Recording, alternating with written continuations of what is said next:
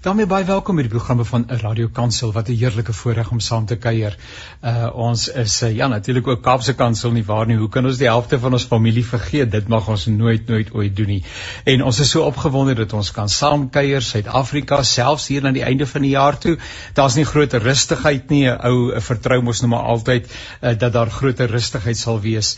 Ehm uh, maar uh dit is die een na die ander ding en natuurlik is dit Omicron in die besonder wat ons uh, wêreld op die oomblik uh, redelik net mekaar krap en ons gaan in die verband 'n bietjie gesels met professor Martie uh, van der Walt. Ons gesels 'n bietjie later ook met professor Andre Dievenage. Uh hier sou gehoor het gisterand oor die nuus is daar gepraat oor uh, artikel 25 van die grondwet en uh die wysiging daarvan wat toe nie deurgegaan het nie. Wat lê daar agter? Hoe moet ons dit verstaan? Uh wat is die implikasie daarvan? En dan gesels ek ook 'n bietjie bietjie oor die hele polemiek en die spanning wat daar bestaan tussen die Weskus mense en natuurlik Shell met betrekking tot eh, die uh, navorsing, die seismiese navorsing wat gedoen word en gedoen wil word uh, in daardie omgewing en die negatiewe impak wat dit op die omgewing mag hê, alles wat daarmee saamgaan. So dit is 'n program vol van baie belangrike wetenswaardighede en dit word aangebied met die komplimente van 'n radiokansel in Kaapse Kansel met die bedoeling dat jy die inligting kan verwerk en kan internaliseer en daaroor kan nadink en uiteindelik jou eie gedagtes kan formuleer. uh, Radiokansel Kaapse Kansel staan nie noodwendig in vir die uh, gedagtes wat hierin uitgespreek word nie. Dit word gegee ter wille van verdere gesprek, nê, nee? uh, in jou eie uh, verwysingsraamwerk, jou eie kring, sosiale kring, by jou werk, waar jy self ook al mag bevind, maar in die besonder ons is kinders van die Here kan nie verantwoordelike en verantwoordbare besluite maak as ons darm nie uh die inligting het nie en dit is wat ons op die hart het naamlik om meer inligting met jou te kan deel. Nou uh ons het vir uh, professor Martie uh van der Walt uh, hooplik hier op die lyn. Ek wil net vra vra Martie as jy wil kan jy die kamera aanskakel dan sien ek vir jou en ook jou mikrofoon uh kan jy vir ons daar sê ek sien vir jou en uh, jou mikrofoon is ook aan. En uh, so uh, professor Martie baie welkom. Dis die eerste keer dat ons saam kuier in die program perspektief ek is bly dat u tyd kon inruim. Goeiemôre Janie en baie dankie vir die geleentheid om te praat oor Radio Kansel. Ek praat enige tyd en baie graag um oor die werk Baie baie dankie nou. Professor Martie U is 'n uh, direkteur van die Suid-Afrikaanse Mediese Navorsingsraad. Uh vertel ons ietsie net van u werksaamhede daar. Baie dankie. Ek is ehm um, ehm um, betrokke of ek werk vir die Mediese Navorsingsraad ehm um, in Pretoria. My hoof onderwerp van navorsing is tuberkulose navorsing. Ek is ehm um, eintlik meer van 'n bakterioloog as wat ek ooit van 'n viroloog is. Maar ehm um, mense opleiding op universiteit is bakteriologie en virologie en ek het microbiologie gestudeer soos mens een keer van kieme geleer en verstaan het ongelukkig bly dit jou by. Ja. En maar verder ook ag die tegnieke wat ons gebruik om byvoorbeeld tuberkulose diagnose na te vors en te toets is ook ehm um, tegen um, COVID gebruik met ander woorde dit staan nie vreemd nie en ek is ook by ander COVID navorsings van die mediese navorsingsraad. So ehm um, ek hoop kan met julle en die luisteraars vandag iets deel oor ehm um, wat ons verstaan en ehm um, ken van die ehm um, die virus en situasie waarin ons is vandag. Nou ons gaan vandag bietjie gesels en uh, ek vertrou dat die verbinding vir ons uh, nie in die steek gaan laat nie. Gelukkig verstaan ons luisteraars is 'n wonderlike tyd hierdie, maar uh die tegnologie het ook soms 'n manier om vir ons in die steek te laat. Mm. Weersomstandighede en alles het daarmee te doen. Uh maar ons is lekker geduldig met mekaar en ons is baie baie dankbaar dat ons kan saamkuier. Nou professor Martie, ehm um, die Omicron ehm um, variant wat tans die wêreld die mekaar krap en ek het nou net gehoor, ek weet nie of u dit raak gehoor het hoe dit Brad uh, daarvan uit die Kaap uh, vir ons die nuus voorlees en uh, daar daar sprake is van 'n ander variant van die Omicron wat tans ja. in een of ander land uh, na die oppervlak gekom het en uh, wat nou nie vir die normale tradisionele toetse vatbaar is die meeste dis dan lekker die mekaar ja. nie so wat weet ons van Omicron en wat weet ons nou nog nie Ja, ek dink amper mense weet amper meer ehm um, wel, mens kan eerder sê ons weet nie wat ons nie weet nie. Um, ek dink dit is 'n groot gevaar. Ja. ja. Party ja. dinge weet mens mos en ander dinge weet nie wat jy nie weet nie. Ehm um, ja, so ek dink dit is ehm um, natuurlik almal weet dit is weer eens wat hulle noem in Engels variant of concern en ons ehm um, dis sekerlik die vierde een wat ons het en ons ons het eintlik gehoop dat ons met ons vierde vlag in die land nie weer 'n nuwe variant of concern gaan hê nie. Gaan nie want Delta was ja. dink 'n baie groot skok vir ons en ons hoop dat ja, vorentoe ja. in die wêreld dat ons nie nog meer variants of concern gaan kry nie. Maar ehm um, dit is sekerlik nie ehm um, snaaks ehm um, dat daar altyd nuwe variante is nie. Dit is maar hoe mikroorganismes werk en veral die ehm um, die virusgroep waaraan ehm um, COVID be behoort dit is ons jylle, baie mense het seker al gehoor ons praat van 'n RNA virus en so aan. Ja. Ehm ja. um, daardie tipe virusse of die genetiese materiaal van da, van RNA virusse ongelukkig kan vreeslik maklik uh muteer en mutasies ja. ondergaan. So ehm um, dit is nie nie vreemd dat ons um, nuwe variante sien nie. Dit is ek wil nou amper sê dit is nou maar een van die standaard natuurlike biologiese prosesse. Ja, so ja. wel ek dink ons weet nog wat ek dink ons glad nie weet nie so effektief die enstof gaan wees ja. teen hierdie variant en of hy mense seker gaan maak of nie seker gaan maak nie. Ehm um, en ek dink laat ek stop hier en daar sekerlik nog ander vrae wat jy wil hoor, Janie. Kan ek vir 'n oombliekie vra? Ehm um, daar word gepraat van 'n natuurlike weerstand wat mense opbou immuniteit as gevolg daarvan dat hulle wel COVID onderlede gehad het en dan uh mense wat nie siek was nie maar wat die wat die uh uh vaksinering ontvang het, die vaksines ontvang het, ehm um, is dit nie presies dieselfde uh immuniteit wat met ander woorde eintlik dan op die tafel kom nie uh, wanneer daar dus moet gepraat word oor 'n land se weerbaarheid as ek die woord kan gebruik, dan behoort jy eintlik die twee goed bymekaar te tel. En nie te sê maar uh, in Suid-Afrika is argumente onthou 20 miljoen mense het die vaksinne ontvang en dan klink dit asof 40 miljoen mense die risiko loop maar daar is 'n mate van ehm um, kudde ek hoor ons wil, moet ook nie meer die term gebruik ja. kudde immuniteit maar maar maar uh, dit bestaan tog wel van weer die natuurlike immuniteit wat mense opgebou het Ja, ehm um, so ek dink laat ons heel eers praat oor kudde immuniteit. Ehm um, ja, ehm um, mens sekere mikroorganismes of sekere kieme is dit baie maklik om immuniteit teen op te bou. Dit is nou maar ongelukkig net ehm um, hoe daardie organismes saamgestel is. Ja. Ehm um, seker is is dit baie maklik om immuniteit op op te wek.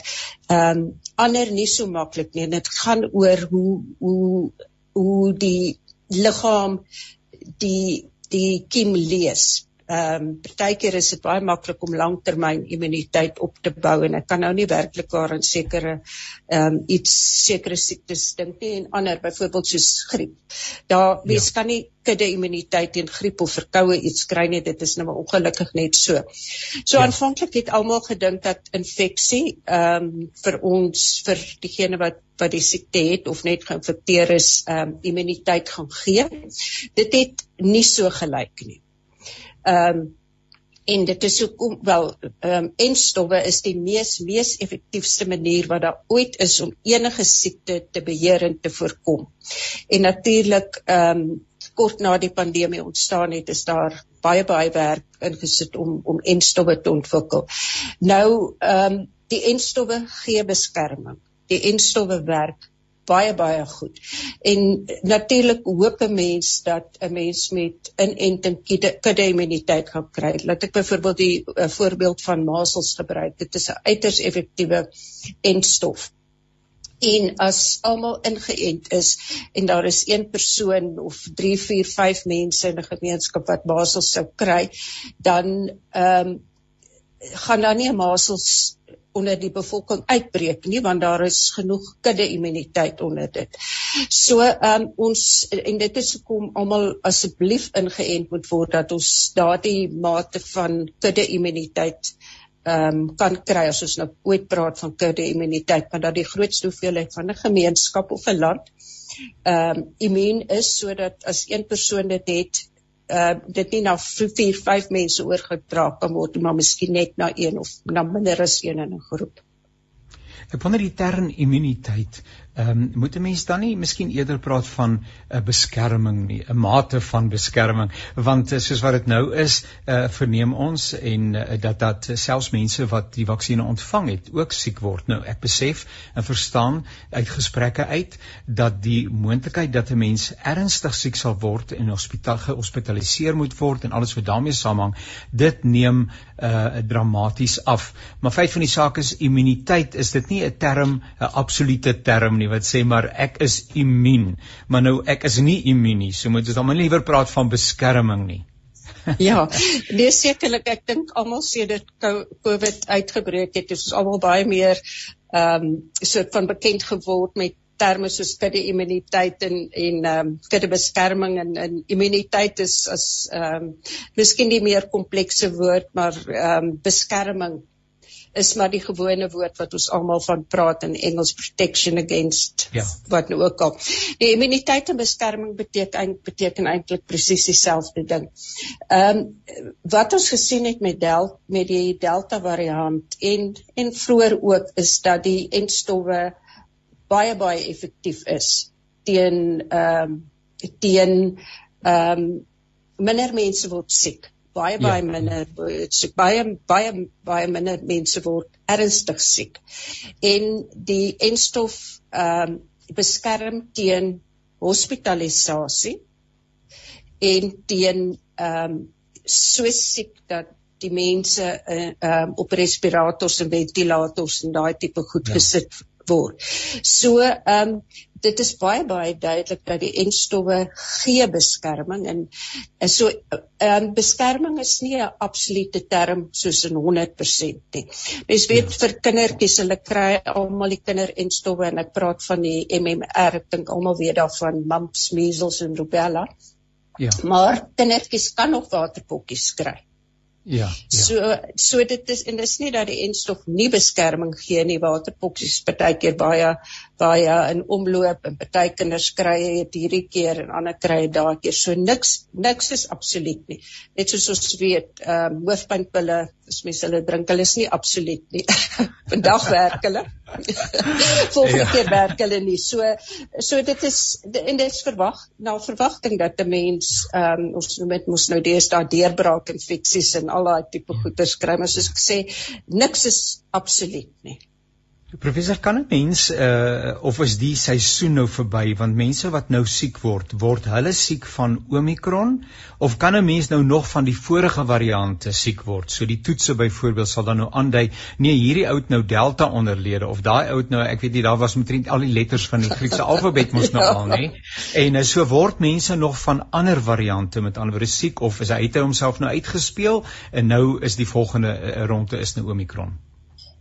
Ja, ek dink ehm um, wel ehm um, baie uh, ja en nee, ek dink ons moet altyd bewus wees dat die ander variante is nog in omloop en hulle kan in omloop en daar kan ander kleiner variante wees. Ons weet soos gesê het, ons weet nog eintlik baie min van van ehm um, die virus wat COVID-19 veroorsaak.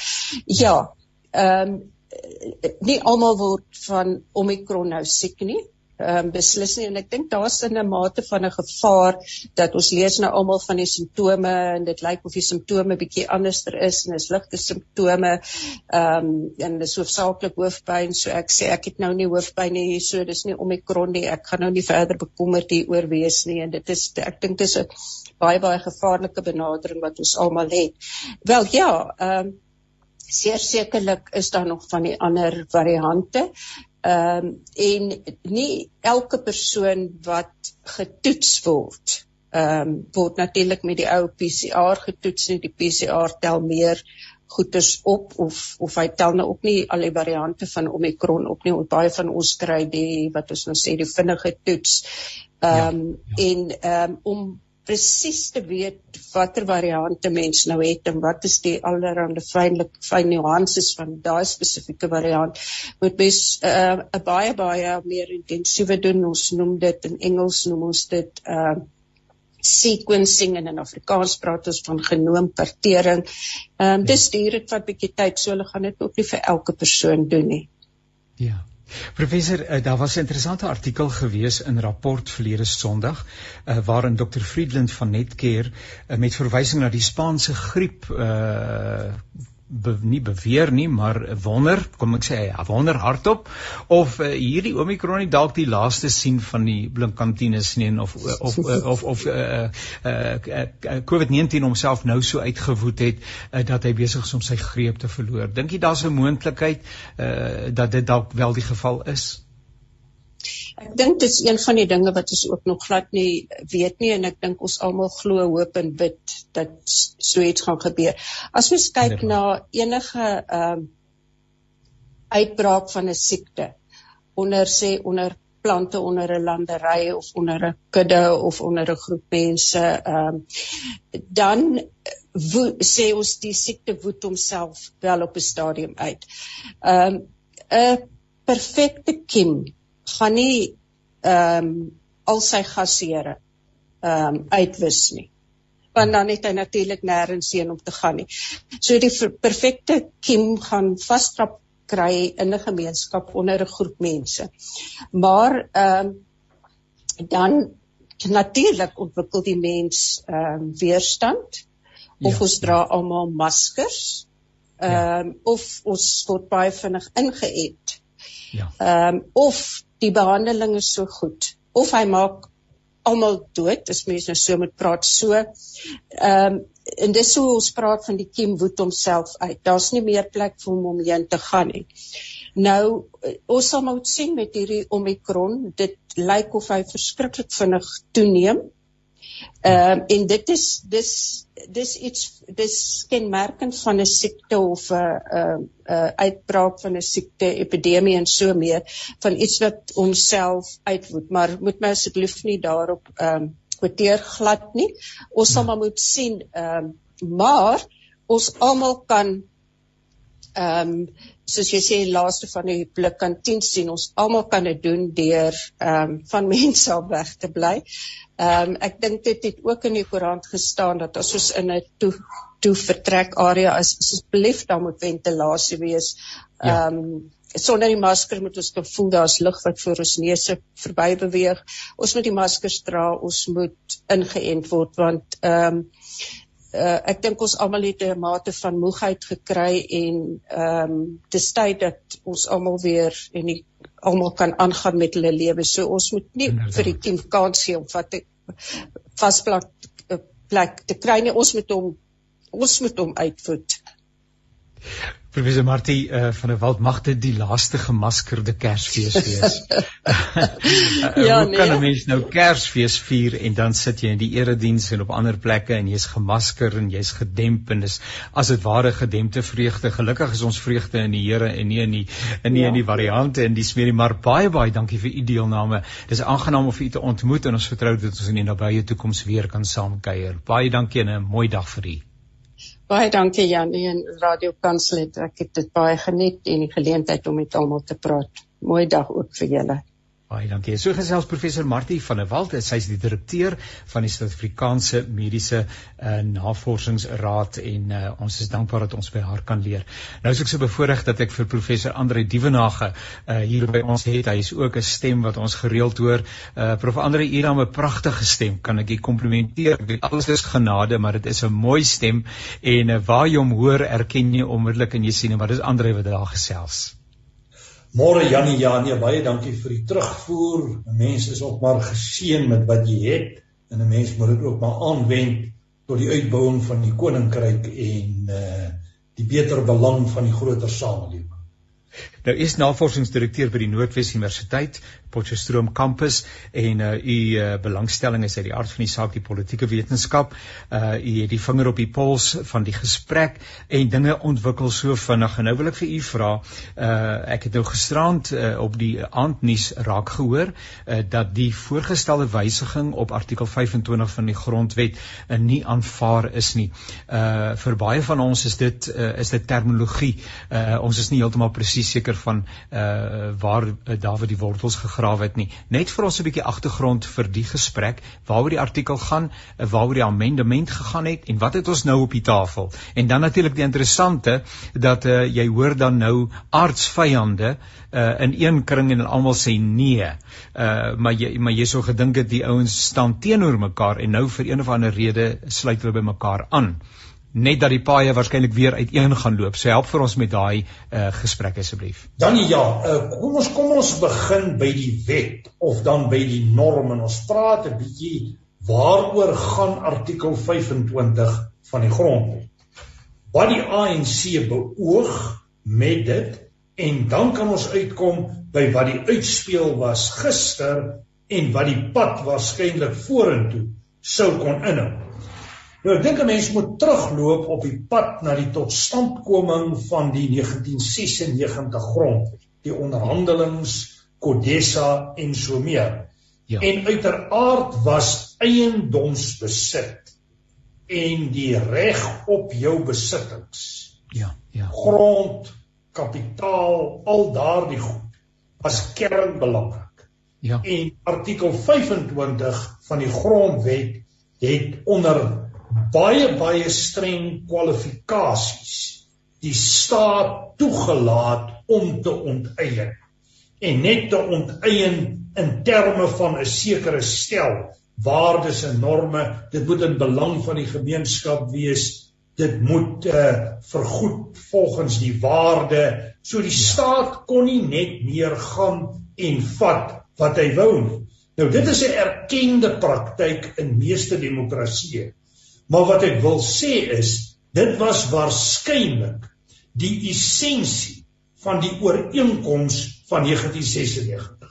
Ja. Nou het ons reeds 17 wysigings aan die grondwet gehad. So hierdie is nie die eerste poging om die grondwet te wysig nie. Maar ja. hierdie is die mees ingrypende poging om die grondwet en die kernwaardes wat die grondwet onder lê te wysig. En ja. dit is hoekom partye en ander groepe ook aangedui het sou hierdie wysiging plaasvind, dan sal hulle die saak ongetwyfeld na die konstitusionele hof verwys met die oog op wysiging en verandering. So dit is dit is die breë agtergrond oor die wet. Ja. Nou moet ek terugloop op die pad van die ANC.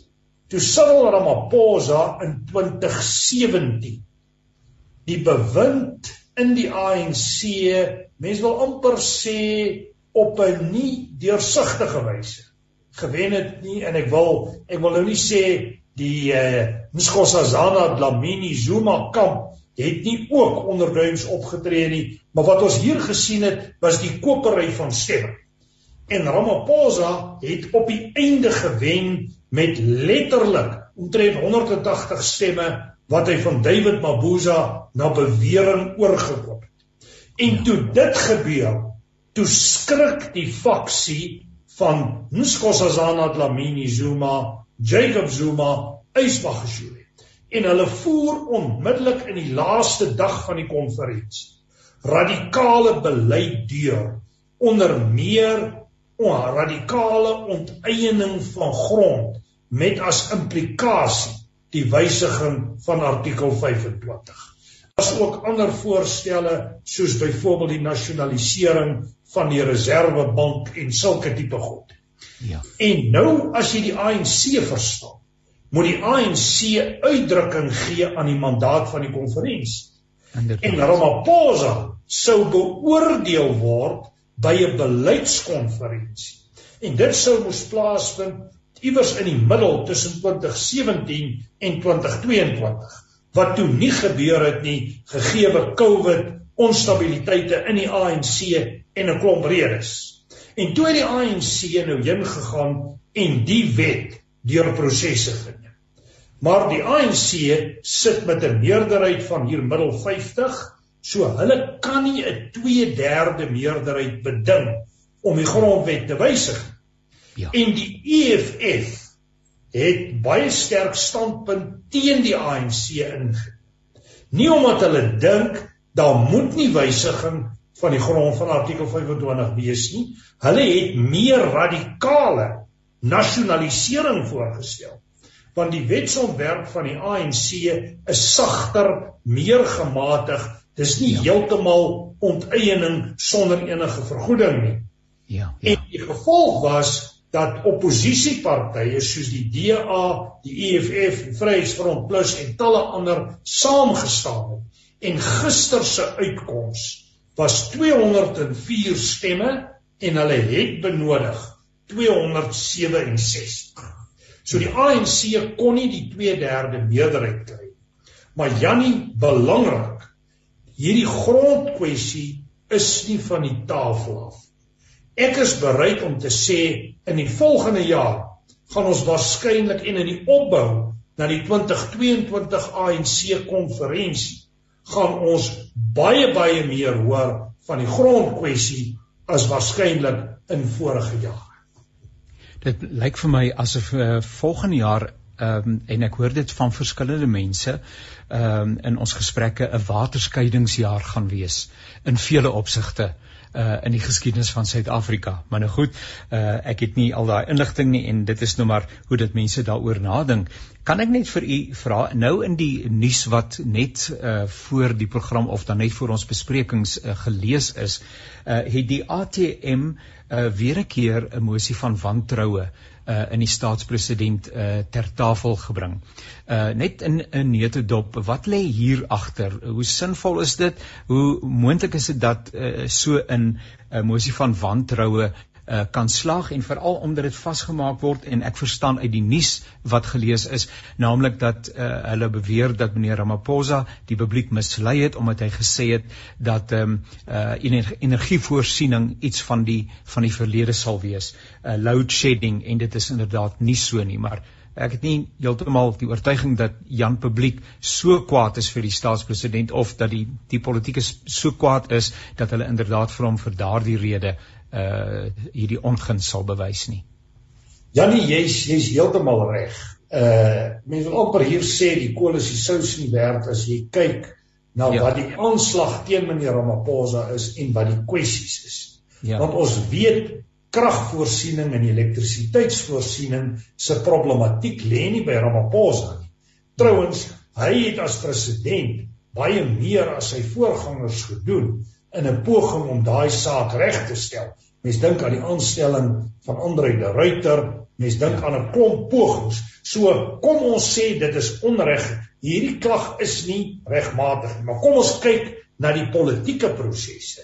Want die ja. verklaring is polities van aard. Die verklaring lê nie by krag as funksionaliteit nie. Krag is bloot 'n poging om iewerster 'n adres te kry op 'n bepaalde naam. Hier is nou al vir die laaste 2 jaar ten minste pogings aan die gang om meneer Ramaphosa te verwyder van die politieke toneel. Ja, ja. Ek was baie gekritiseer toe ek dit die eerste keer genoem het, toe ek gesê het die planne is daar. Ek het inligting daai tyd uit veiligheidsomgewings gehad wat gewys het die plan is om meneer Ramaphosa te verwyder. En dit hou verband met sy ondersoek na korrupsie en veral dan die Zondo-kommissie en die ondersoeke na staatsskuld. Die rede hiervoor is dit impliseer 'n klomp leiers waaronder Jacob Zuma, Ysmagashule, Supra Mahumapelo en talle ander. Ek praat sommer van die koalisie van die korruptes. Nou sal jy opmerk dat uh, so 2 jaar gelede in daai tyd toe hierdie proses begin het is Ysmagashule gesien by 'n hotel in Durban en daar is 'n nuwe party 'n nuwe voertuig gestig as dinge vir die koalisie van die korruptes verkeerd gaan. Hulle eerste prys is bewerkstellige oorname in die ANC en kry beheer onsetel Ramaphosa en sy groep. Dis die A-prys. Die B-prys is om 'n alternatiewe party te stig. En dit het dan tot stand gekom met die African Transformation Movement. En daardie party het nie net steun binne van van individue nie. Hy het ook steun binne die groter ANC. En hier moet jy lees die Radical Economic Transformation groep. Nou wat ons nou hier sien en jy sal opmerk daar dit gaan hier oor geheime stemme al dan nie. Ja. Die poging van die ATM is krye kwessie probeer Ramaphosa aan die kaak stel. Krag is sensitief want almal is op die oomblik kwaad hier is nie krag nie dis die ja. feesseisoen en dinge is ongemaklik so jy kan ja. maklik populêre steun mobiliseer dryf hierdie saak laat mense in die geheim stem en dan is daar mense binne die ANC wat ook mobiliseer teen Ramaphosa maar in kort dit gaan nie werk nie want die oppositiepartye sien deur hierdie plan en die DA en ek dink die Vryheidsfront Plus en ander het reeds aangedui dat hulle so 'n mosie nie sal steun nie. En daar sal uiteraard beduidende steun binne die ANC in die caucus ook wees vir meneer Ramaphosa. Maar hierdie is deel van 'n groter strategie om die druk te hou op meneer Ramaphosa. En hierdie is maar een taktiek om hom in die moeilikheid te kry.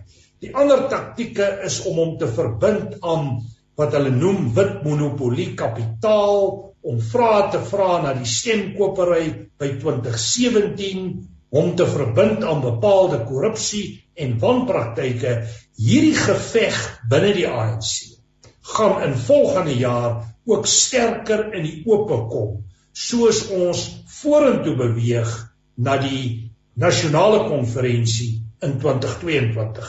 Toe Magashule verloor het, het hy gesê mense onthou oor 5 jaar hou ons weer verkiesing.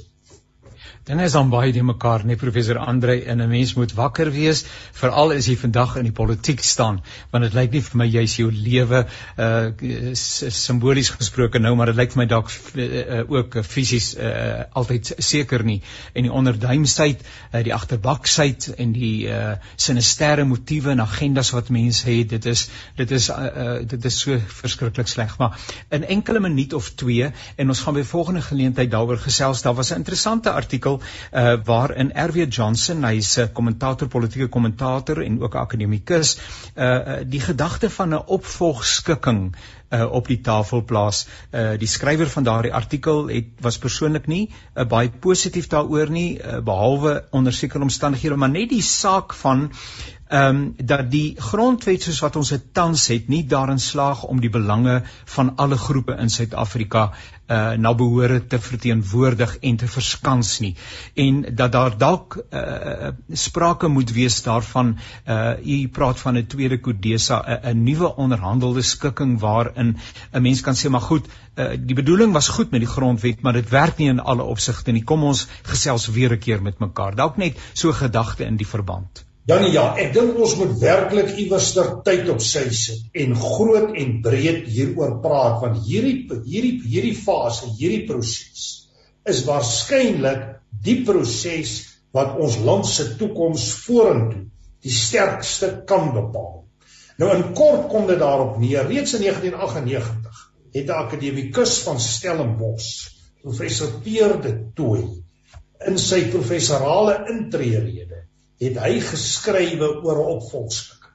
En 'n opvolgskikking is nie 'n vreemde praktyk in die ontwikkeling van state nie. Jy gaan deur 'n moeilike verandering, jy stel 'n grondwet op, jy implementeer en dan is daar weer 'n tyd wat verloop vir herbesin. En op hierdie oomblik in my argument is jy sê dis 'n waterskeiding jaar en jy's reg.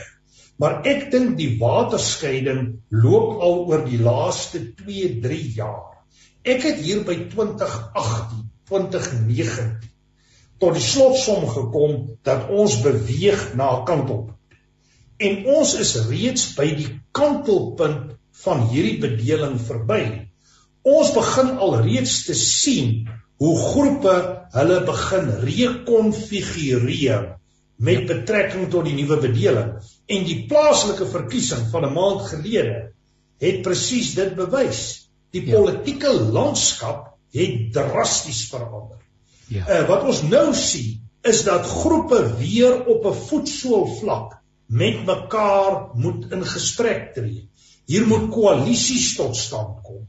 Hier moet nuwe formasies kom en hierdie is 'n tipe van 'n gedwonge kodessa waar mense gedwing word om met mekaar te praat. Maar my kyk hierop is dat dit die begin is van 'n baie groter proses en waarin ons opnuut sal moet kyk na ons toekoms. Janie op die oomblik is die politieke, ekonomiese en maatskaplike uitdagings net te groot. Ons benodig die radikale hervorming van die bestaande stelsel. En ek kan aan geen beter manier dink as om dit te doen deur met mekaar te praat, deur konsensus te bou en vorentoe te gaan. Die stem van professor Andre Dievenage baie baie dankie vir u deelname. Uh as ons gespaar bly en u tyd en u uh, program laat dit toe, kan ons dalk juis hierdie saak volgende week uh ietwat verder bespreek. Seënwense vir u. Mag dit met u goed gaan in die res van die week. Baie dankie Janie. It's my privilege to speak to Mr. Ricky Stone. He's an attorney with Cullinan and Associates. It is an, an uh, environmental law firm. And uh, Mr. Stone, thank you so much for the time that you've put uh, aside to speak to our listeners here at Radio Pulpit and Cape Pulpit. It's only a pleasure, Yanni. Thank you very much for having me and uh, good morning to all your listeners.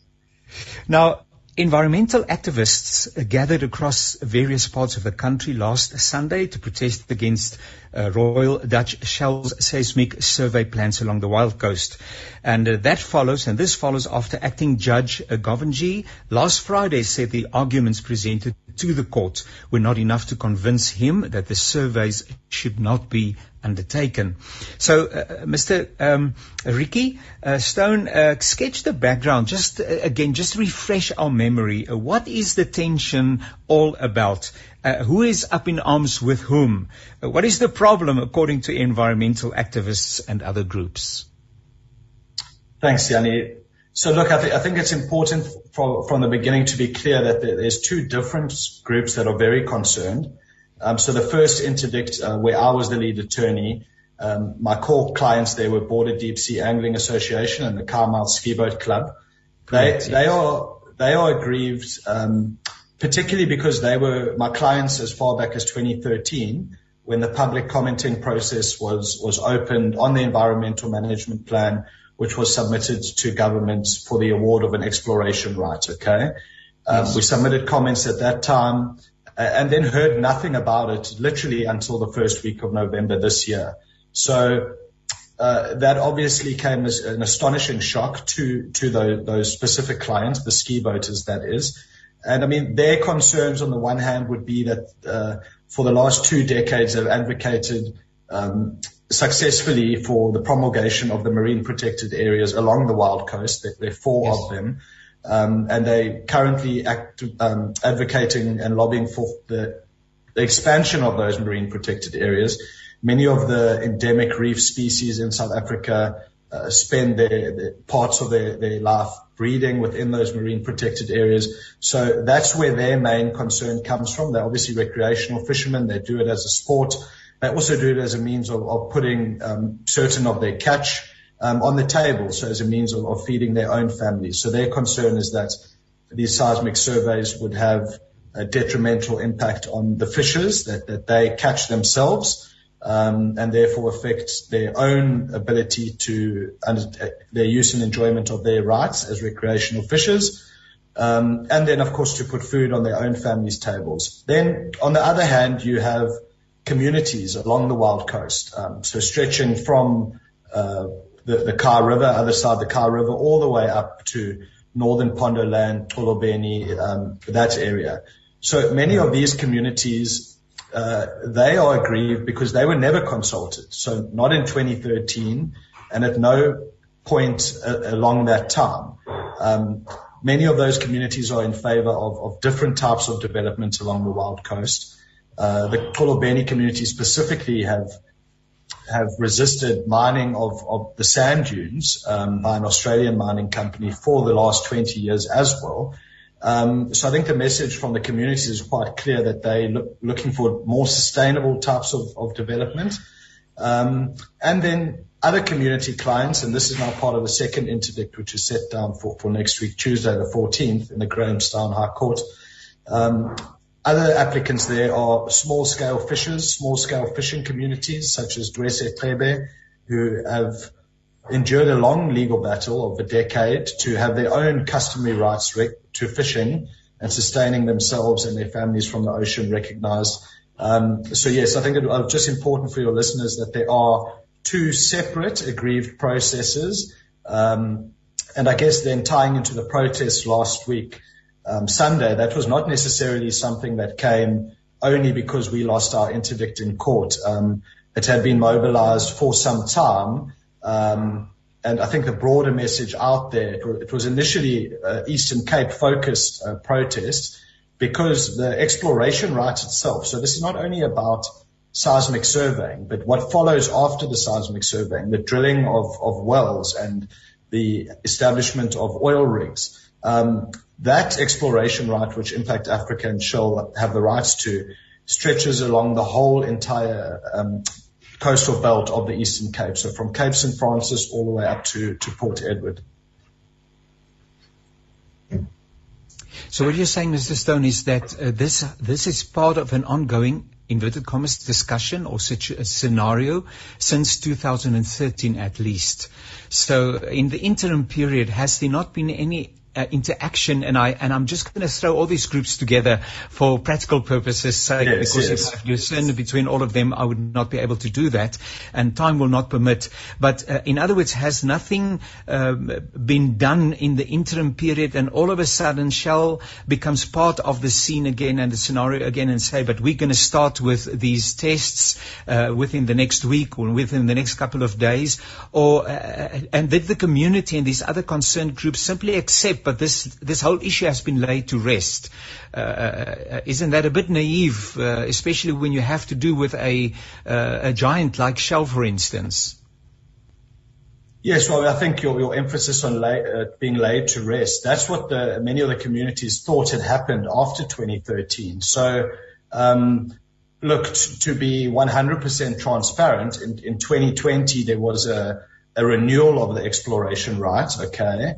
Um, and that, uh, Shell and Impact, uh, Shell weren't yet in the picture. They only very recently came into the picture, say in the last um, six to eight months. So Impact Africa, ExxonMobil were actually their operating partner at the time, submitted a compliance audit, which was a requirement of renewing the exploration right. So an exploration right is valid for two years, and you can then renew it for a further three periods of two years each. Um, and that's the it, it only lasts for that long, and after the third renewal, it would lapse. So in respect of that second renewal in um, May 2020, the environmental consultants undertaking the audit did send emails, um, uh, including to the address that they had on, on their records, which was my email address at a different law firm in 2013, um, which would have bounced back. Uh, certain interested and affected parties never received that notification.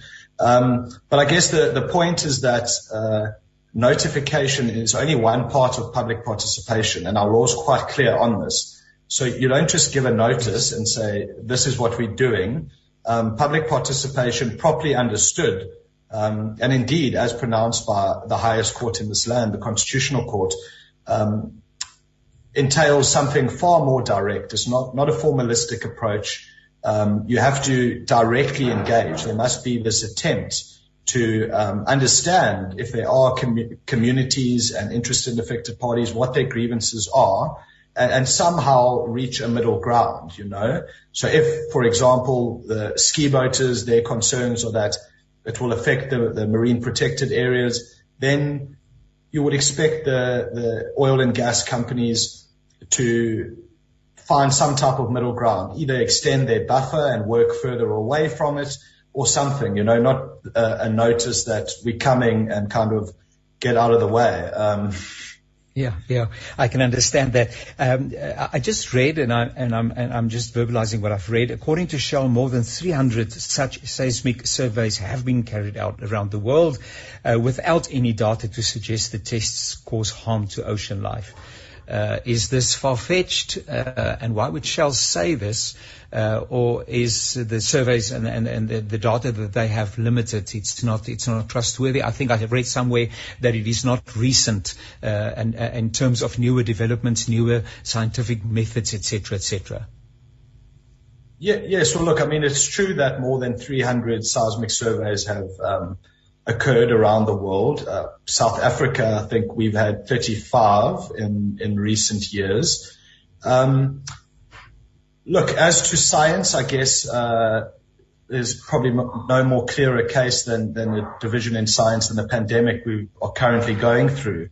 That some scientists say one thing, on the other hand, other scientists uh, say another thing. But there does definitely seem to be consensus um, within the scientific community that these surveys are are harmful, not only to cetaceans, which is dolphins and whales, but particularly to um, other sea creatures and fishes. So fish larvae, for example, um, invertebrates such as chokka, um, zooplankton and phytoplankton, which is the food source for for whales and dolphins. Uh, so I mean, there, there's a body of scientific evidence that is out there which shows that it is harmful. Um, and, and I think we have to take that science seriously because, and clearly other governments of the world have taken it seriously. So certain European countries, um, certain places of America even have prohibited seismic surveying. You're not allowed to do it in their waters because of the clear proven harms. So um, perhaps that's why we're now seeing this this focus on South Africa and Africa uh, where there's no type of prohibition, although we did have in 2014, there was a very short moratorium which our government put out on seismic surveying because of the concerns around the harms. Um, so yeah, look, I mean, the, the science community, I think it, it perhaps was divided in the past, but considering that the environment, the science they relied on in 2013, um, has been substantially updated and researched in the last eight years. Um, Perhaps the case in point is the open letter, which was addressed to our president last week, Friday, and over the weekend by 20 of South Africa's top marine scientists, uh, including all of our A-rated scientists, so to call them, where they have said that the harms are, are quite clear. They're, they're significant harms. Um, they will have a detrimental impact on the ecosystems level. And I think that's the important thing here. You know, often you find in uh, conservation and environmental debates, that the focus is on the big five. So in this case, on dolphins and whales. And well, we can't necessarily show that it will cause strandings of whales. Um, and perhaps if it does and one or two whales strand, then in the greater scheme of the ocean is that material, you know? Um, but that doesn't look at the bigger picture, which is the entire ecosystem of the ocean. Um, so yeah, uh, as I understand things, the second interdict will include a lot of evidence, uh, particularly around the harms to the lower end of the ecosystem. So spawning fish, zooplankton, chokka, um, etc. And then, of course, deal with the, the known harms to whales um, themselves. It is quite challenging to um, to balance the interests and the sentimentalities, etc., etc., of the different parties. Uh, I was just thinking on the one hand, and this has been part of the ongoing discussion, unemployment in South Africa. 35% of people that are willing to work are unemployed. Uh, more than 60% of our young people are not employed. Uh, without money, you cannot sustain your family. Uh, communities cannot grow, etc., etc. Communities become more and more poor as the time progresses.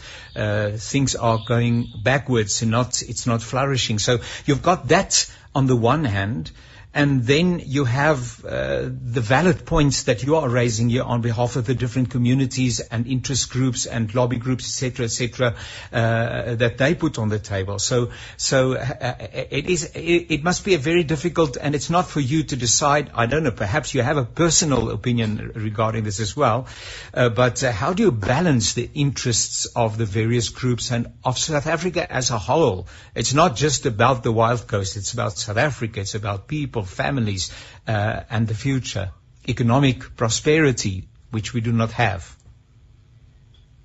Yes, absolutely. Look, I think that's, that's quite a, a complex and nuanced uh, consideration that, you know, and in as much as I would like to, obviously South Africa as a whole has a serious unemployment rate, but if we look at yes. the, the, the wild coast, um, and particularly the Eastern Cape probably has one of the highest unemployment rates. So yes. uh, perhaps I will start with, well, uh, if if they had to explore, and I mean they will successfully find hydrocarbons, it, it's known. We've already got the data. Yeah. Uh, we've been doing seismic surveying of those regions from the 60s, um, which is also part of the reason why we've already found proven oil and gas reserves. We don't need to be looking for more. Um, and I suppose then drilling a, a, well and building a rig is a different story. But should that ever happen, um, and I would really hope that it doesn't, particularly along the wild coast, is jobs will be created, but those jobs will be highly skilled engineers. Um, there might not even be many South Africans that would be qualified to work on those type of projects. So a case in point is our wind farms and, and solar farms. A lot of the engineers that come out here to build that are, are foreign, they're European engineers. Um, in the case of a gas pipeline, that would also have to be constructed by engineers. Sure, you might have an oil refinery built on the land.